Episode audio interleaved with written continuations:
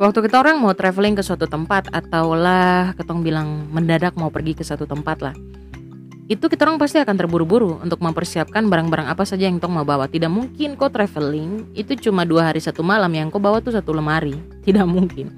Dan pasti kau akan bawa pakaian itu sesuai jumlah hari ketong pergi toh.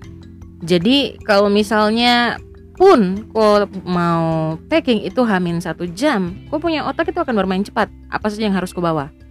Dan tong juga akan memperkirakan toh barang yang tong bawa nih over bagasi apa tidak. Kalau kira-kira lebih, pasti tong akan bawa uang tambahan. Hal yang sama itu juga terjadi dengan hidup, teman-teman. Dalam hidup ini kita orang perlu tahu apa yang perlu tong bawa dan ketong siapkan untuk masa depan. Ketong perlu tahu apa saja yang patut ketong bayar harganya demi masa depan.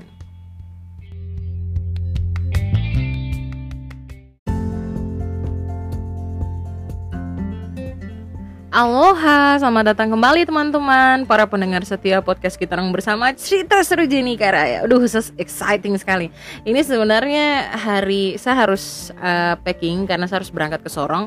Tapi saya meluangkan waktu dulu satu jam untuk produksi podcast Karena saya tidak mau undur-undur lagi uh, Untuk kita orang punya podcast bersama. Karena aduh, saya kalau undur tuh nanti pasti ada yang DM kakak Podcast kapan turun, kakak ditunggu episode barunya jadi oke, okay, ini sebelum berangkat harus bikin podcast dulu.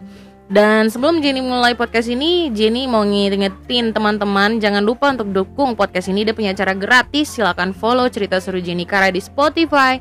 Silahkan subscribe dan beri bintang 5 di Apple Podcast. Dan kalau kau pengguna Anchor atau Google Podcast, jangan lupa klik tombol follow. Hari ini Tong masuk dalam podcast kedua bulan Februari.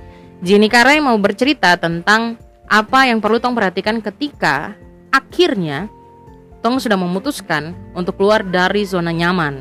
Kalau teman-teman mau tahu uh, out of the comfort zone gimana, itu udah punya episode sudah minggu lalu. Teman-teman tinggal search saja out of the comfort zone. Dan sudah benar-benar nih, Ketong sudah keluar akhirnya dan Ketong akhirnya menyapa si masa depan. Congrats, congratulations teman-teman setelah kamu memutuskan keluar karena keluar memang itu satu-satunya pilihan untuk mereka yang ingin mencapai sesuatu yang lebih dalam hidup ingin pergi lebih jauh, meraih lebih banyak, uh, semua yang ada kata lebih berarti memang harus keluar dari zona nyaman karena kok pakai cara biasa it doesn't work guys. Dan kok akhirnya ketemu dengan masa depan. Kalau udah berupa wujud manusia, kok pasti akan kenalan sama dia. Eh, cie, cie. Terus waktu kok jabat tangan sama dia, kok rasa benar-benar antusias karena akhirnya kok ketemu sesuatu yang dia pemodel berbeda dan itu tuh kok punya passion gitu loh. Bahwa oh ini yang saya kejar-kejar. Dan seperti dong bilang dia perasa tuh kayak ngeri-ngeri sedap wes. Ngeri karena masa depan itu tidak bisa kok prediksi. Tapi sedap karena pasti kok akan temukan berbagai pengalaman baru ketika kok jalan sama dia. Ulala. Dan saya kasih peringatan teman-teman tentang masa depan. Kadang kalau kau terfokus dia akan terlihat kabur banyak orang mau meninggalkan zona nyaman toh. Oh iya saya mau keluar nih saya mau keluar. Keluar. Terus sudah keluar nih. Terus karena tidak fokus uh, dan sudah kecewa tambah lagi dia punya mental itu sedikit-sedikit rasa teraniaya. Sudah nanti akan menarik diri kembali lagi ke zona nyaman dan menolak semua option baru tentang masa depan. Jadi jangan lupa teman-teman satu kata yang Jenny Karai mau ingetin sama teman-teman. Fokus. Cara fokus ke masa depan itu gimana sih Kak Jen? Sederhana yang pertama, kau harus fokus menjadi problem solver atau pemecah masalah. Jangan menjadi problem maker atau trouble maker, no. Tapi fokus menjadi problem solver. Saja kamu coba bayangkan seorang pelari. Seorang pelari itu dia harus mempersiapkan diri untuk fokus berlari. Tidak ada toh pelari yang dia lihat ke bawah waktu dia lari atau uh, dia lihat ke belakang. Tidak. Dia juga lihat di sekeliling sama seperti kehidupan kita akan tergoda untuk fokus kepada hal-hal yang dapat buat kita lambat dan parahnya kita tahu itu. Nah, di sini tuh kita mau apa tidak mencari solusi agar tidak tergoda. Jadi godaan itu akan selalu ada, tapi please uh, tingkatkan kok punya skill untuk fokus.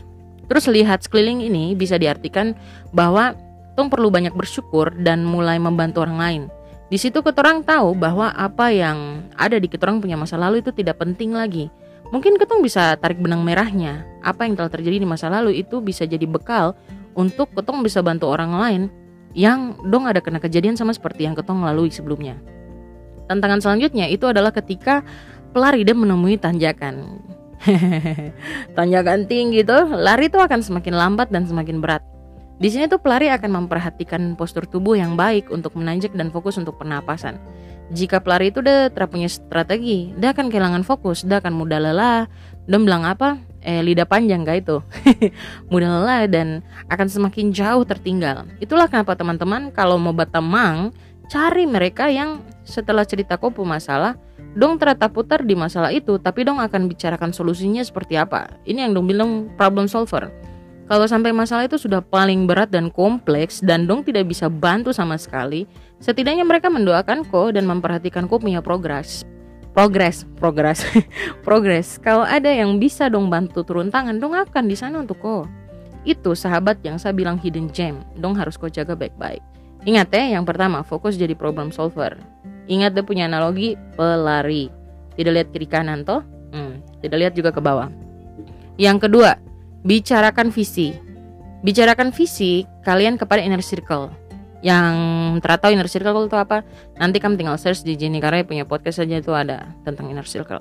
Nah, di situ inner circle bisa berfungsi jadi pagarnya kita orang loh untuk ketika kita mulai keluar jalur. Saat teman melihat kita mulai tidak fokus dan takut itu dong bisa memberikan warning. Bedakan warning dan iri ya teman-teman. Mereka yang sayang kok akan kasih warning kalau kau sudah salah ambil ini dan itu. Ketika dong sampaikan, dong juga akan kasih alasan mengapa dan um, mereka akan temani kau sampai selesai. Tapi mereka yang iri ya, itu hanya akan kasih hal-hal yang negatif, takut-takut tiko. Dan ketika kau jatuh, dong terakhir ada di sana untuk bantu kau berdiri kembali. Malah dong bilang saya sih kasih kata, kau begini-begini toh, ah itu kau goblok. Tapi dong tidak ada di situ untuk oke okay, kau jatuh nih yo sangkat kau lagi belajar toh yang baru yo toh mulai yang baru. Dan yang ketiga keep tracking your move. Seorang pelari biasanya akan merencanakan dan mengukur dia punya jarak lari melalui aplikasi. Sama seperti kita orang teman-teman. Perlu kita orang rencanakan dan ukur apa yang kita orang lakukan setiap hari. Di situ kita orang tahu bagaimana progres hidup. Saya pribadi secara mengukur adalah dengan saya tidak akan mengambil kesempatan yang dikasih semuanya kalau saya ditawarkan sesuatu uh, yang tidak sesuai dengan saya punya passion, ya saya akan ambil itu. Kadang sesederhana itu bukan karena saya sombong atau apa tidak, tapi karena apakah ini sesuai apa tidak. Kalau tidak ya udah don't waste your time. Yang keempat, yang terakhir, berdoa. Penting sekali untuk minta tuntunan dan hikmat dari Tuhan setiap hari agar ketorang ini dapat fokus terhadap ketong punya masa depan. Taruh masa depan di kakinya Tuhan, libatkan segala perencanaan kita dalam doa. Minta Tuhan interupsi hal-hal yang akan merugikan kita. Saya ingat ayat 1 Pet, eh, 1 Petrus 5 ayat 7. Serahkan segala kekhawatiranmu kepadanya sebab ia akan memelihara engkau. Kawan, berdoa ini bukan cuma biar tong kuat ketika masa itu baik. Kadang ketika tong sedang fokus dengan masa depan, terus ada tong pengambilan keputusan yang buat tong gagal. Doa itu hal yang paling menguatkan kopo mental untuk bisa hadapi masa-masa sukar. Itulah kenapa ada orang yang ketika masa sukar bisa tiba-tiba gila dan orang yang masa sukar dia bisa lebih strong, dia lebih kuat. Itu yang membedakan. Dan izinkan saya tutup podcast ini dengan analoginya, yaitu uh, seperti saat kita orang mendadak harus pergi ke suatu tempat. Katakanlah atau mau traveling ke satu destinasi. Kita orang pasti terburu-buru untuk mempersiapkan toh barang-barang apa yang kita perlu bawa. Tra mungkin kok ini cuma pergi dua hari satu malam dan kok ambil itu semua pakaian satu lemari Oh lala Mia. Pasti Tong akan bawa pakaian sesuai jumlah hari kita orang pergi toh. Dan Tong juga pasti akan memperkirakan gitu loh Apakah barang yang kita orang bawa ini Dia melebihi bagasi apa tidak Ada over bagasi apa tidak. Kalau kira-kira lebih itu pasti Tong akan pergi ke ATM Dan Tong akan ambil uang Biar Tong bisa bayar. Itu dia punya hal sama dengan hidup teman-teman. Dalam hidup kita orang perlu tahu apa yang perlu dibawa untuk mempersiapkan masa depan karena masa depan ini sebuah jurnal, sebuah perjalanan. Ketong perlu tahu apa saja yang patut kita orang bayar harganya karena saya pribadi teman-teman saya merasa ada beberapa kesempatan dalam saya punya hidup di mana saya benar-benar harus bayar harga gitu loh. Kadang keputusan yang saya ambil itu saya orang tua tidak suka. Tapi itu harus diambil, itu esensial untuk diambil. Dan akhirnya ya saya harus bayar harga. Mungkin akan dimarah atau akan dianggap ini kayaknya tidak lurus dan lain-lain tapi ketika saya yakin itu hal yang harus ambil ya udah saya ambil dan saya tanggung jawab dengan uh, apa yang saya ambil dan itulah yang terjadi teman-teman Saya kasih contoh lain, kalau kau mau snorkeling pasti kau bawa tabir surya atau SPF. Kau bawa fin, kau bawa kacamolo. Pakaiannya juga beda dong. Buat snorkeling tidak mungkin kau pakai daster toh. Si, pasti kau akan siapkan sesuai dengan peruntukannya. Dan saya kasih contoh lain. Uh, kita orang misalnya ingin punya hubungan yang baik dengan pasangan, ingin melanjutkan hubungan sampai ke pernikahan. Itu tuh semua impian relasi yang ada di dunia. Tetapi kita orang masih teringat dengan semua perbuatan buruk yang telah dilakukan mantan Akhirnya pasti Tong akan menjadi suka curiga dengan pasangan. Ketakutan akan terulang kembali, buat Ketong juga tidak percaya dengan pasangan. Lambat laun, apa yang Ketong takutkan itu akan mempengaruhi hubungan dengan pasangan. Hal itu yang akan membuat pasangan merasa tidak nyaman.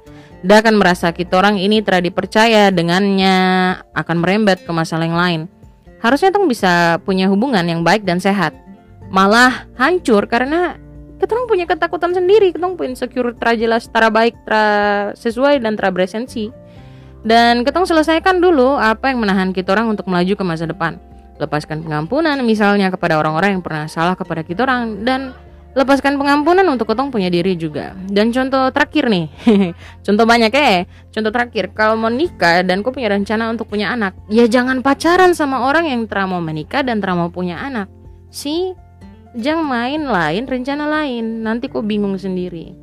Sampai di sini dulu podcast cerita seru Jenny Karai, teman-teman. Jangan lupa untuk dukung podcast ini. Dan Jenny Karai senang sekali uh, kalau teman-teman DM Jenny Karai setelah dengar podcast ini. Jangan sungkan-sungkan atau malu-malu hati.